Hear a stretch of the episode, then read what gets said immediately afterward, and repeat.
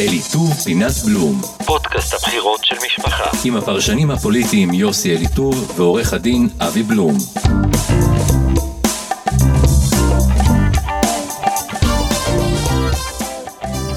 יוסי אליטוב, ערב טוב. פודקאסט ערב טוב. שבועיים לבחירות.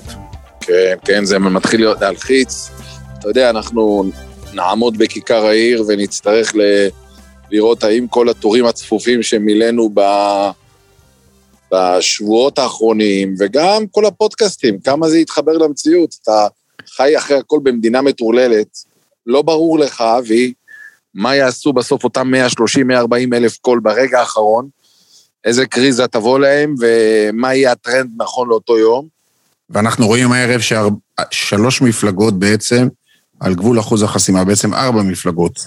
שלוש מפלגות מעל, אחת מתחת שלא יודעים לדגום אותה, כי אנחנו יודעים שהרבה מהפזורה הבדואית בעצם לא נספרים, לא יודעים איך לספור אותם, והם מצביעים עם מנסור עבאס. זה הבייס, כמו הבייס של ש"ס, זה הבייס הבלתי נספר, שתמיד היא מקבלת פחות בסקרים. יש לנו את הציונות הדתית, את כחול לבן, את מרץ.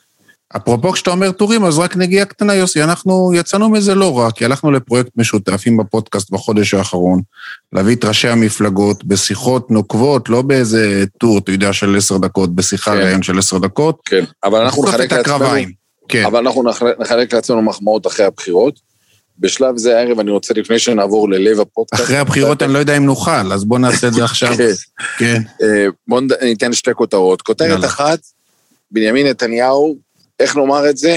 די מבין שהוא חוצה את ה-60 מנדטים, מכל הבדיקות שהוא עושה, אבל הוא שובר את הראש מה הוא עושה עם בנט. הוא מבין שהוא הולך לקבל את נפתלי בנט בדקה אחרי עשר, בשלישי של הבחירות.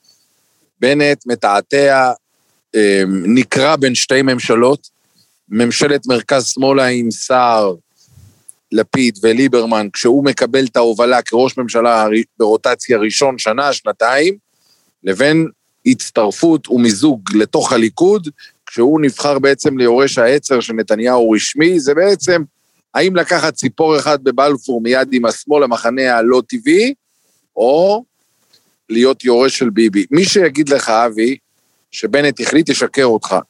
בנט די מבולבל, ואני אומר לך את זה משיחות עם האנשים הכי קרובים אליו. הוא יודע שהוא יצטרך להכריע בין שתי ממשלות, הוא מבין שהוא דוהר עם הרכבת שלו לצומת, זה ימינה או שמאלה עם שתי משמעויות.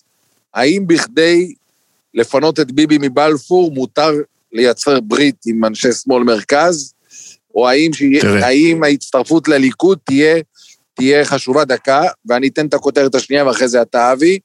כותרת שנייה, בנימין נתניהו הולך לנתב משאבים לא מעטים לטובת הציונות הדתית. הוא מבין שסמוטריץ' לא צריך רק לעבור, אלא גם סמוטריץ' של ארבעה מנדטים, או סמוטריץ' של שישה מנדטים, זה משמעות אחרת לגמרי. אם חשבנו שש"ס היא מפלגת הלוויין של נתניהו, בבחירות הנוכחיות, סמוטריץ' זה הליכוד ב'. המון המון משאבים ותקציבים יכוונו לעבר שינוע מצביעים ביום הבחירות, תראה, יוסי, שווה. לשים עין. אה, ביבי עשה תמיד, אבל תמיד, את כל הטעויות עם בנט, גם כשהוא אה, זלזל בו, או נכנס בו יותר מדי, וגם כשהוא נתן לו יותר מדי. כשהוא נתן לו יותר מדי, אנחנו זוכרים ב-2013, ב-2015, כשבנט סחט אותו, אגב, מי שהוביל לזה את הסחיטה, על הסחיטה, אפרופו השיר הידוע, על השחיטה. מי שהוביל אז את המהלך הזה, שבסוף איילת שקד נכנסה למשרד המשפטים, היה אה, זאב אלקין, ששילם מחיר יקר. והוא עשה את הטעות, אנחנו זוכרים, בבחירות מועד א', כשהייתה לו דילמה האם לשתות עד הסוף את המנדטים של בנט, והוא נחל ניצחון אדיר, שעוד ניצחון כזה ועבדנו. אה, בסוף בנט לא עבר את אחוז החסימה, ורק בגלל זה ביבי נמצא היום במשפט. עכשיו, מה שעכשיו הוא בעצם נמצא באותה דילמה. והדילמה היא כזאת, ביבי רוצה להוריד את בנט לחד ספרתי, מתוך הנחה, ובנט אמר את זה בקולו, הוא אמר, אם אני עם 11 מנדטים, אנחנו כבר רואים שהוא עולה כל הזמן בשבוע האחרון, הוא במגמת עלייה וסער במגמת ירידה. הוא אומר, אם הוא יהיה חד ספרתי, הוא לא יוכל לתבוע את ראשות הממשלה ברוטציה. וגם הוא לא יוכל, לתבוע, הוא לא יוכל גם לבוא לצד השני, זה יהיה משהו שלא יעבור ציבורית. כך ביבי מאמין. מה הבעיה? שאם בנט מאבד את הדו-ספרתי, המנדטים שלו, לפחות חצי מהמנדטים שהוא מאבד, לא הולכים לנתניהו. זה מנדטים של רק לא ביבי, שראו בבנט איזושהי תחנת מעבר, זה התחיל עם 22 מנדטים, אחרי ששר נכנס זה ירד, עכשיו זה מתייצב שוב, ואם הוא יאבד אותם, אז הגוש יאבד אותם. עכשיו, ביבי בדילמה שהייתה לו, זה משהו לא רציונלי אצלו, בדילמה שהייתה לו אז כמו היום, הוא בוחר, לכאורה, כך זה נראה, הוא בוחר בצד שאולי טוב לו אישית, אני לא יודע איך זה גם טוב, אבל בצד האמוציונלי ולא הרציונלי. והוא אני בוחר לך- ללכת על בנט עד הסוף, גם במחיר הזה. אפרופו, יפה. אגב, הליכוד, אפרופו עוד השלמה, הליכוד הרי לא הקים את מטה יהודה ושומרון הפעם, כדי לעזור לציונות הדתית. מהסקרים שהם רואים, הם מבינים שלא מספיק לא להקים מטה, צריך לעזור לסמוטריץ'. אנחנו רואים כאן איזושהי התגייסות של לעזור לסמוטריץ', תכף נדבר גם על הציר מול יהדות התורה. כן, על זה זה הלב, סמוטריץ' יהדות התורה, אבל צריך לשים לב גם לעניין הזה. אבי בלום, אני אצטט לך פוליטיקאי חרדי בכיר שצלצל אליי סוף שבוע שעבר לאחר ראיון שהענקתי לאחת מהתחנות הכלליות במדינת ישראל. הוא אמר לי, תשמע טוב מה אני אומר לך, אל תטעה בהערכות. נתניהו כבר החליט לשלם את המחיר, הוא מבין שהוא קולט את נפתלי בנט ושקד בתוך הליכוד, הוא אומר רק לא ברור ביום שהירושה אה, תעבור אליהם, מי ינצח את מי, לא ברור שבנט ינצח את שקד בתוך הליכוד, אבל הוא החליט כבר לשלם את מחיר הצטרפות ימינה לליכוד. שאלתי אותו שאלה אחת, ואם לבנט יעמוד החלום הזה של ראשות ממשלה במיידי, הרגע, ברור לך שהוא דוחה אותו? אז אותו פוליטיקאי חרדי שהיה יותר, יותר יהיר בתחילה, קצת אה, התמתן. אבל בואו באמת נעבור ללב הפודקאסט, וזה הקרב הענק, קרב הענקים בין... איך קראנו לזה? ה- כיפה סרוגה עם שטריימל. החרד"לניק, בוא נאמר ככה, הסרוג הכי חרדי, שהוא גם סרוג 100% וגם חרדי 100%, בצלאל סמוטריץ', אני למדתי את זה, אתה למאבק- יודע איפה? בקמפוס למאבק החרדי באונו. כן, אפרופו. יוצא למאבק לא, אני. אני, אני אומר את זה סתם, היה קמפוס חרדי וקמפוס דתי-לאומי, והוא בחר ללמוד בקמפוס החרדי, זה אומר יפה. הרבה על הבן אדם, כן. יפה, אבל הוא, הוא יוצא לקרב בקרב קבוצות של מצביעי אגודת ישראל, שאיך נאמר את זה בעדינות, לא משוגעים, לא מתעלפים על חלק מהנציגות שם, חלק חושבים שהם לא מייצגים אותם, חלק חושבים שהם נרדמו בשמירה במאבק בקורונה, ואותם מצביעים אנחנו רואים באחוזים מאוד גבוהים, עוברים לזיווג הזה של בן גביר את סמוטריץ', על הגבעה, זה מתאים להם, מבחינתם סמוטריץ' הוא כמעט חרדי עם דגל ישראל, צייתן על מלא לגדולי תורה, תמיד עומד מימין החרדים במאבקים נגד הרפורמים ובעד, ונגד חוקי הגיוס למיניהם. אין אף מילה רעה אחת שאתה יכול להגיד על סמוטריץ', לא רפורמי ולא קונסרבטיבי ולא, ולא אנטי-חרדי, להפך, אני חושב שהוא לפעמים מדברר את המערכות החרדיות, הרבה יותר הנציגים החרדים עצמם שנופלים במע... על, על שטויות, אבל, פה צריך להגיד את האבל הגדול. בסוף בסוף סמוטריץ' מטה קצת. הוא יוצא למאבק אדיר על קולות אגודת ישראל, אגב, אני מציע כבר למאזינים שלנו, לצפות לקלפיות בביתר עילית. עיר חרדית קלאסית. ולראות את הבלתי יאומן, כמה מצביעי אגודת ישראל ינערו לעבר רשימה הציונות הדתית של סמוטריץ' את בן גביר. אז בוא נגיד לא- יוסי גם, וזה לא חב"דניקים, רק. וזה וזה לא לא חסידים רק. ימין, חס- זה לא, אבל זה המון חסידים, המון ממצביעי משפחת פרוש, והמון ליטאים גם, שנמצאים על הציר הזה של החולצות הכחולות. בוא נגיד מה עושים מנגד ביהדות וזה, התורה. וזה, וזה יעשה, זה יעשה משהו, ואני אסיים, אה, אבי. כן. אני לא בטוח שזה מפיל את, ה, את יהדות התורה מהמנדט השביעי, כי הגידול הטבעי אה, כל הזמן הולך וגדל במגזר שלנו, אבל בוא נאמר שהוא כבר לא בטוח. אבל לא בטוח כמו שהיה בפעם הקודמת. בלי קשר לפינדרוס שמביא איתו את המזל המעניין שלו כל פעם במקום שהוא מתיישב בו, הכיסא השביעי צריך לחכות לקלפיות כדי להיות ברור שהוא בפנים. ברור לי משהו אחר. סמוטריץ' יקבל לפחות 15 אלף קול חרדים נטו, לא חב"דניקים, לא אני חושב סרוגים, שיותר, לא, לא צרפתים ולא שבובנים. ובוא נגיד נטו נגלה חסידים, כאן, נטו. בוא נגלה כאן מה עושים ביהדות התורה. עכשיו תראה, זה לא רק הקול החרדי. בוא לא נשכח שדגל התורה, פינדרוס הוא הרי מועמד שמקובל מאוד על חוגי החרד"לים. אפשר לומר שהוא המועמד הכי חרד"לניק ביהדות התורה. איש הרובע היהודי, אוהבים אותו מאוד, רבני הציונות הדתית. הם שמו בפעם האחרונה כמעט חצי מיליון שקל, עם באנרים, עם שלטים ביו"ש, עם פעילים ביו"ש. אין היום את המטה הזה. אולי גם בגלל שבדגל מבינים שאם סמוטריץ' לא עובר, אז אפשר לומר קדיש על כל הגוש, כי בעצם יכול להיות שהם ילכו לאופוזיציה. אין את המטה הזה.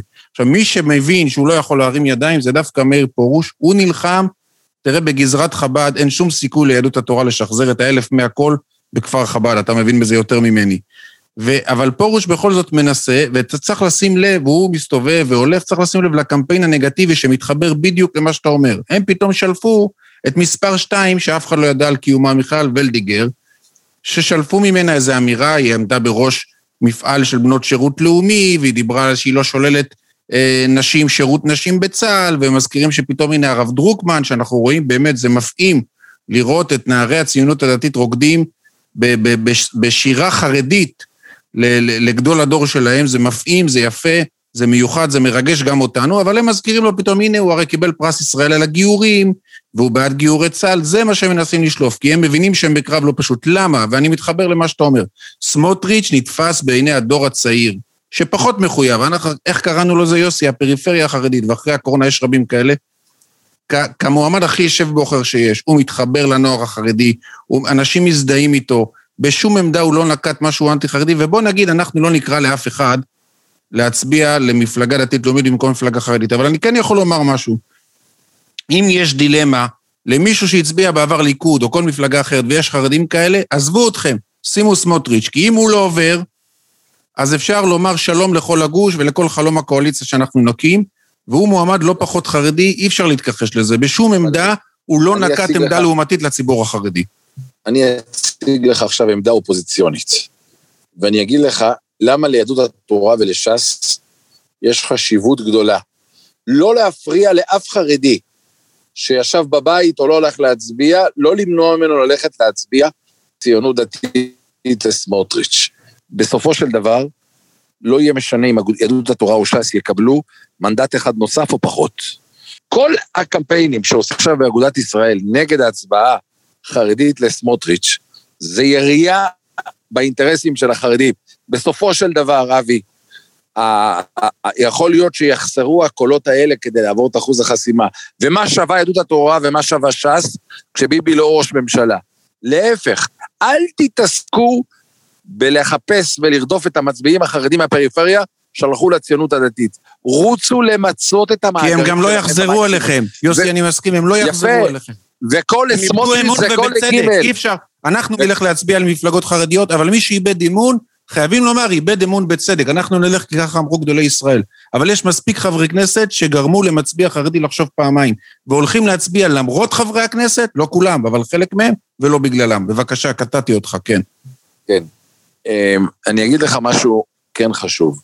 צריך לעשות הפרדה בציונות הדתית אצל סמוטריץ' בין החרדים, בין, בין המאבקים הערכיים לבין המאבקים החומריים.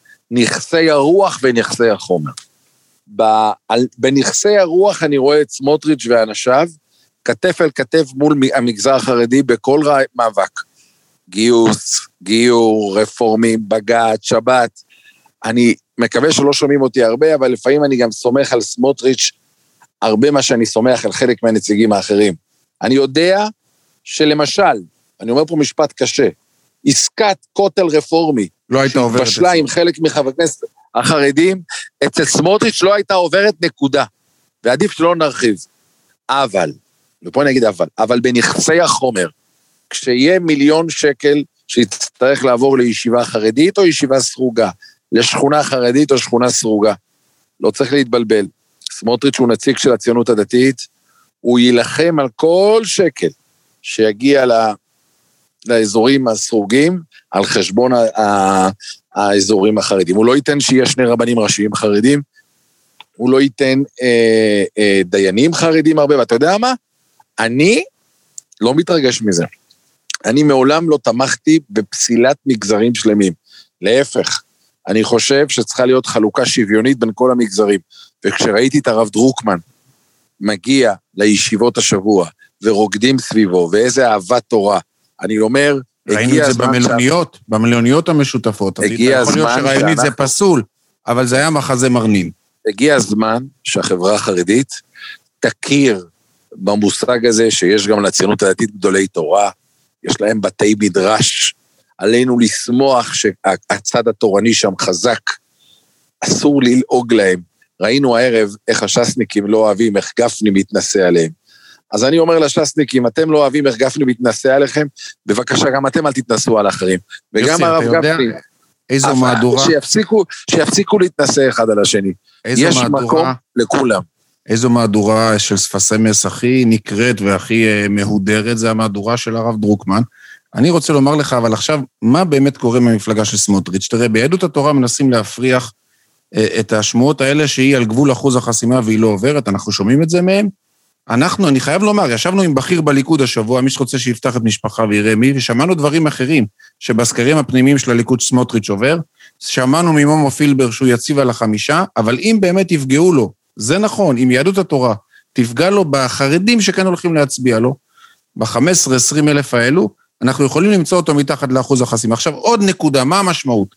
זה לא רק שאין 61 וזה מתחלק לפי באדר עופר והרוב הולך לגוש הימין. זה לא נכון. למה? כי לסמוטריץ' יש הסכם עודפים עם הליכוד. אומר לנו בחור בכיר בליכוד, אם הוא לא עובר, המשמעות שגם העודפים של הליכוד מתפזרים. זאת אומרת, זה נזק כפול לגוש.